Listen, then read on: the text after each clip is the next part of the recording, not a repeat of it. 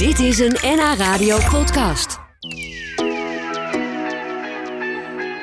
Kunsthistoricus en geurwetenschapper Caro Verbeek uit Amsterdam schreef een boek over de neus. Grote neuzen, kleine neuzen, adellijke neuzen, ze komen allemaal langs in dat boek. Een kleine cultuurgeschiedenis van de grote neus, zo heet het.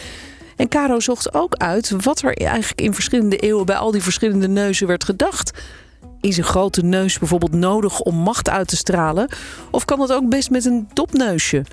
En wat vindt Caro eigenlijk van de neus van onze kroonprinses Amalia? Ik, ik ken hem wel een beetje hoor, want ik let heel erg op neuzen. In de eerste plaats, nou natuurlijk een prachtige neus. Ik denk dat ze die van ehm, haar vader heeft geërfd, en uh, koningin Beatrix. Ja, hebben die ook goede neuzen? Ja hoor, die hebben ook prachtige neuzen. Maar niet de klassieke adellijke neuzen. Dat zijn namelijk hele uitstekende, grote, puntige neuzen. Amalia heeft wat in de 19e eeuw dan een celestial werd genoemd. Een celestial? Ja, celestial. klinkt als een, uh, beetje hemel. hol, het wijst een beetje naar de hemel. En dat wordt tegenwoordig ook wel prinsessenneus genoemd. Dus dat is weer, wel weer heel toepasselijk. Oh, wat grappig. Straks dan horen we waar jouw fascinatie voor de neus vandaan komt. Ben ik wel benieuwd naar. Ja, je gaat het horen. Is de, de neus inderdaad het eerste ook waar je naar kijkt als je mensen ontmoet? Als je mij bijvoorbeeld zo net voor het eerst zag, dat je denkt, wat heeft zij nou voor neus? Nou ja, het is het enige gezichtsonderdeel wat je uit de verte al kan uh, onderscheiden in een gezicht. de neus Dat is, is waar, altijd ja. overal eerder dan wij. En er zijn zoveel verschillende soorten. Je, hebt, je hebt misschien wel verschillende vormen ogen, maar ze zijn lang niet zo verscheiden als die neus. En die de neus is- een hoek of wat dan Ja, ook. en die neus is ook zo bepalend eigenlijk, hè? Ja, dat is zeker heel bepalend. Iemand die eh, dan een nosejob heeft ondergaan, die kan echt volledig anders eruit zien daarna. Ja, ik heb dat een keer gezien inderdaad bij een eh, klasgenote van mij die een hele mooie, vond ik, hele mooie neus had. En die kwam terug met een soort dopneus. Dat ik dacht, hè?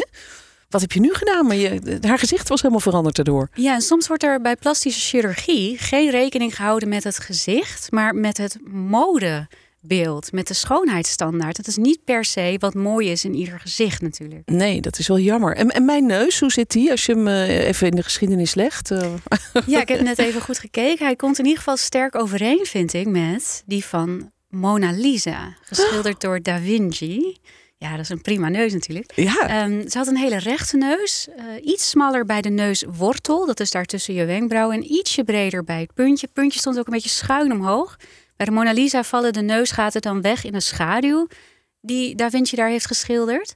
Maar dus ja, dat topje iets omhoog, waardoor de neusgaten ietsje zichtbaar zijn. Nou, dat is gewoon een goede neus. nou, ik ben hartstikke blij met de, met de Mona Lisa neus.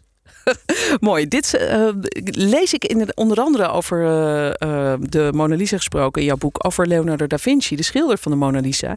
Dat hij zelf parfumeur was. Dus die kon ook heel goed ruiken met zijn neus. Zeker. Hij was zeer opmerkzaam. Hij lette op neuzen. Die deelde die in in allerlei types, maar hij kon ook heel goed ruiken. Hij bestudeerde planten en hij wist ook al hoe je daar de geurstoffen aan moest onttrekken. Eh, dat deed hij bijvoorbeeld door eh, maceratie, dus lang laten, in olie laten zitten, bloemen en planten. Eh, maar ook net als Jean Grenouille uit Das Parfum deed hij aan enfleurage. En dan doe je planten of bloemen in vet. Het vet onttrekt de geurstoffen en met die geurstoffen kun je dan weer parfums maken. Dat Oh, deed ja. hij. Jeetje, wat fascinerend allemaal. Maar het, het boek gaat natuurlijk niet vooral over geur. Want jij bent ook eh, geurdeskundige. Je geeft ook eh, les in geur. En je maakt ook geurreconstructies voor musea. Dat is ook heel interessant. Maar dit boek gaat vooral toch over, over de vormen van de neus. En, en hoe daarnaar gekeken werd door de eeuwen heen eigenlijk. De veranderende schoonheidsidealen. Waar, waar komt jouw fascinatie met het onderwerp vandaan? Klopt, helemaal. Dus in eerste instantie, ik heb, al die, ik heb die geuren jarenlang bestudeerd. Ik wilde nu ook wel eens het instrument bestuderen waarmee we geuren waarnemen. Maar het heeft toch ook wel degelijk te maken met mijn eigen neus. Ik heb een redelijk eh, aanzienlijk exemplaar, vrij lang, steekt ook best wel uit. En daar kreeg ik mijn hele leven of zo vanaf mijn elfde allemaal opmerkingen over. Daardoor ben ik ook meer gaan letten op andere neuzen. En ik ben kunsthistoricus, dus ook neuzen in de kunstgeschiedenis.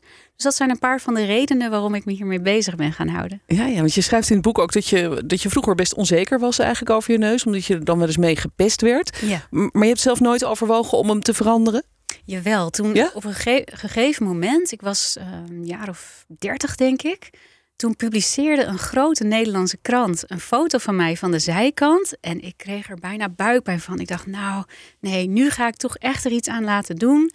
Maar met dit boek, daar heb ik ook een side profile selfie in geplaatst, wil ik juist laten zien: nee, maar het is maar het perspectief wat je hebt. Elke neus kan mooi zijn. Diversiteit is mooi. Wees trots op je neus. Ja, nou dat is een uh, mooie boodschap voor iedereen. Um, en, en als je de geschiedenis doorkijkt, dan zijn er natuurlijk ook heel veel mensen geweest met een misschien grote of lange neus, die wel heel belangrijk zijn geweest en die ook heel, uh, heel erg gewaardeerd werden. Hè? Want dat is ook iets uh, wat door de eeuwen heen een beetje veranderd is. Zeker, ja. Je, kan, je zou kunnen zeggen dat duizenden jaren lang, als je iets wilde betekenen, dat je dan een grote neus moest hebben. Je moest je in ieder geval laten afbeelden met zo'n neus. Want dat was de manier waarop jij communiceerde. Ik heb status, ik heb macht, ik weet van wanten. Want een grote neus stond voor een machtig iemand. Ja, als je een leider was, zoals Cleopatra, dan kon je echt niet aankomen met een kleine neus. Dus we weten niet zeker hoe haar neus echt was. We weten wel zeker dat haar neus zo werd afgebeeld, vaak ook met zo'n hoek en heel lang en heel groot, omdat dat duidde op haar bestuurlijke talenten. Een echte leider. Ja, ja, je kon als leider echt niet met een eh, klein neusje aankomen. Dan werd je gewoon niet serieus genomen. Nee, werd je niet serieus genomen. Dat overkwam uh, Lorenzo de Medici, een Florentijnse heerser. Zijn neus was een beetje plat, stond ook nog scheef en hij praatte ook nog heel nasaal. Ik vermoed dat zijn neustussenschot wat scheef stond. Dat, dat toont zijn dodenmasker ook. Maar op schilderijen is zijn neus veel langer, veel puntiger, veel uitstekender. En hij moest echt mensen overtuigen door middel van zijn portretten, maar ook met zijn spraakkunst. Um, om mensen ervan te overtuigen: ik ben wel degelijk een goede leider. Ja, ja, want het was natuurlijk een heel machtig man uiteindelijk. Oh, dat was een heel machtig man. Ja. Een heel rijk man, een nieuwe rijke, een bankier was dat. Um, heeft zo'n beetje alle kunstwerken en gebouwen die we nu nog in Florence zien bekostigd. Ja, kun je nagaan. En als we dan toch een beetje in die tijd zitten, um, staat er ook een bijzonder verhaal in je boek over de beroemde beeldhouwer en schilder Michelangelo. Die we natuurlijk kennen van de David dat, dat bekende beeld. Um, maar zijn neus, zijn eigen neus, die, die was gebroken op een gegeven moment. En daar was hij echt heel erg ondaan over. Hè? Waarom was dat? Ja, hij heeft zijn leven lang daar een minderwaardigheidscomplex door gehad. Hij was aan het schilderen in Florence. En daar was hij aan het fitten aan het afgeven op de andere studenten. En een van die studenten dacht: En nu heb ik er genoeg van, Michelangelo. Die verkocht hem een stomp midden in het gezicht. Waarop bot en kraakbeen verbrijzelde als biscuit. Heel mooi overgeleverd. Nou, precies hè, uh, in de periode dat de grote reizige neus stond voor eer, verloor Michelangelo letterlijk en figuurlijk zijn aangezicht. Hij had een echt een, ja, een ingedeukte neus. Hij voelde zich ongeliefd, onbemind, onaantrekkelijk. En ik denk echt dat de David van Michelangelo een sublimatie is van zijn eigen neus. Dat hij eigenlijk daar zijn eigen neus heeft gebeeldhouwd. Daar moesten mensen ook afblijven. Oh ja?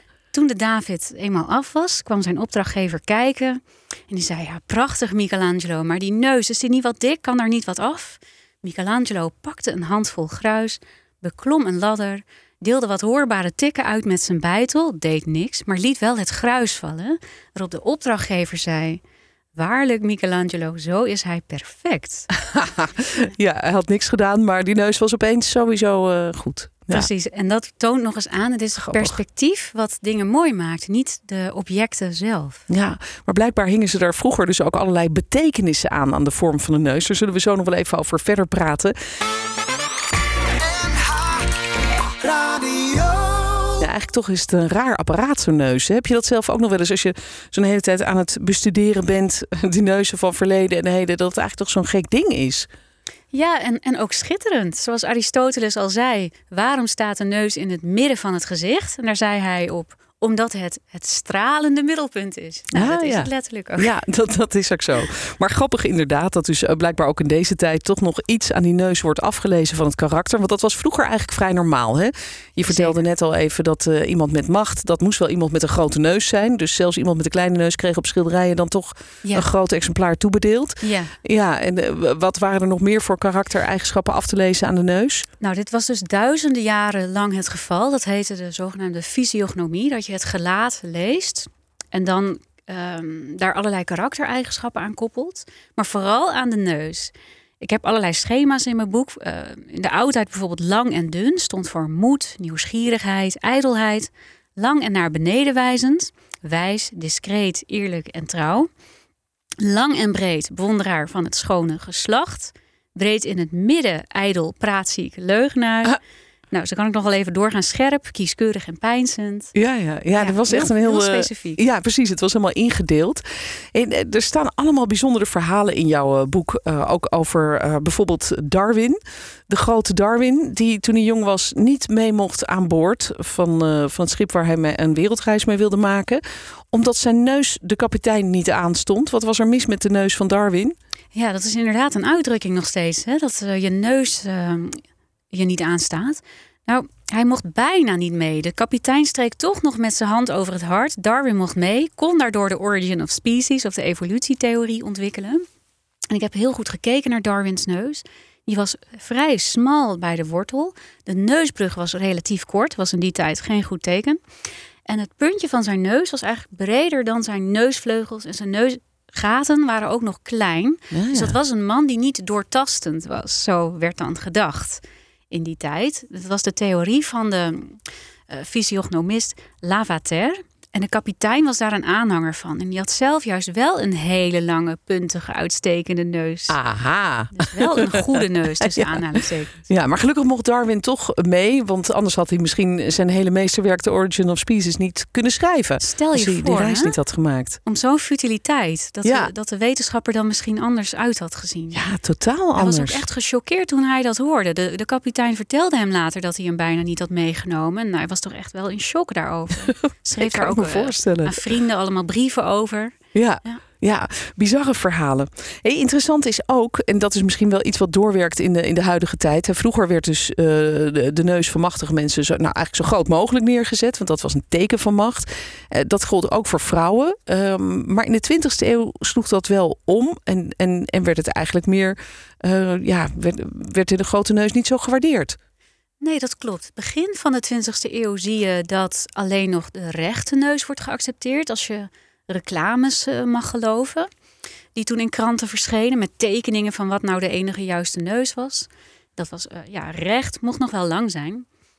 Maar na de Tweede Wereldoorlog en ook na Barbie werd ineens een hele kleine, bescheiden neus. Het liefst nog met een beetje een, hol, een holte. Uh, dat werd je van het. Ja, Iedereen ja. wilde zo'n neus hebben. De Barbie-neus. De Barbie-neus. Ja. Nou ja, goed. De, tegenwoordig zijn er nog steeds veel mensen die een nosejob laten doen. Die iets aan hun neus veranderen. Um, is jouw boek ook misschien een soort hart onder de riem voor iedereen die niet zo blij is met zijn neus, zijn of haar neus. Ja, en he, natuurlijk moet je dat gewoon doen als je een nosejob wilt ondergaan en als je, je daar beter door voelt. Maar je kan het ook, je kan ook besluiten dat niet te doen.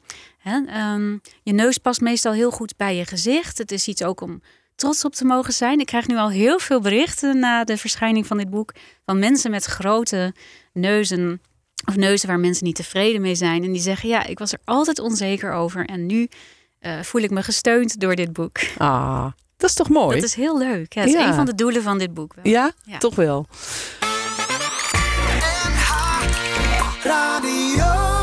Hier in de studio gebeurt intussen wel wat grappigs. Want uh, collega Bart Slim die komt even binnen. Die komt even iets uh, vragen, zeggen, weet ik veel wat. Even en neus in andermans zaken steken. ja, die, die gaat gelijk op die neus. maar Caro, wat, wat zei je? Ik zag, uh, ik zag Darwins neus binnenkomen. Darwins neus? Die, en wat is, is Darwins neus? Nou ja, een beetje jouw neus. Een, een okay. relatief korte neusbrug. En een, een neustopje wat net ja, ongeveer even breed is als ja, de neus. Maar hij staat een beetje scheef. Komt door het boksen.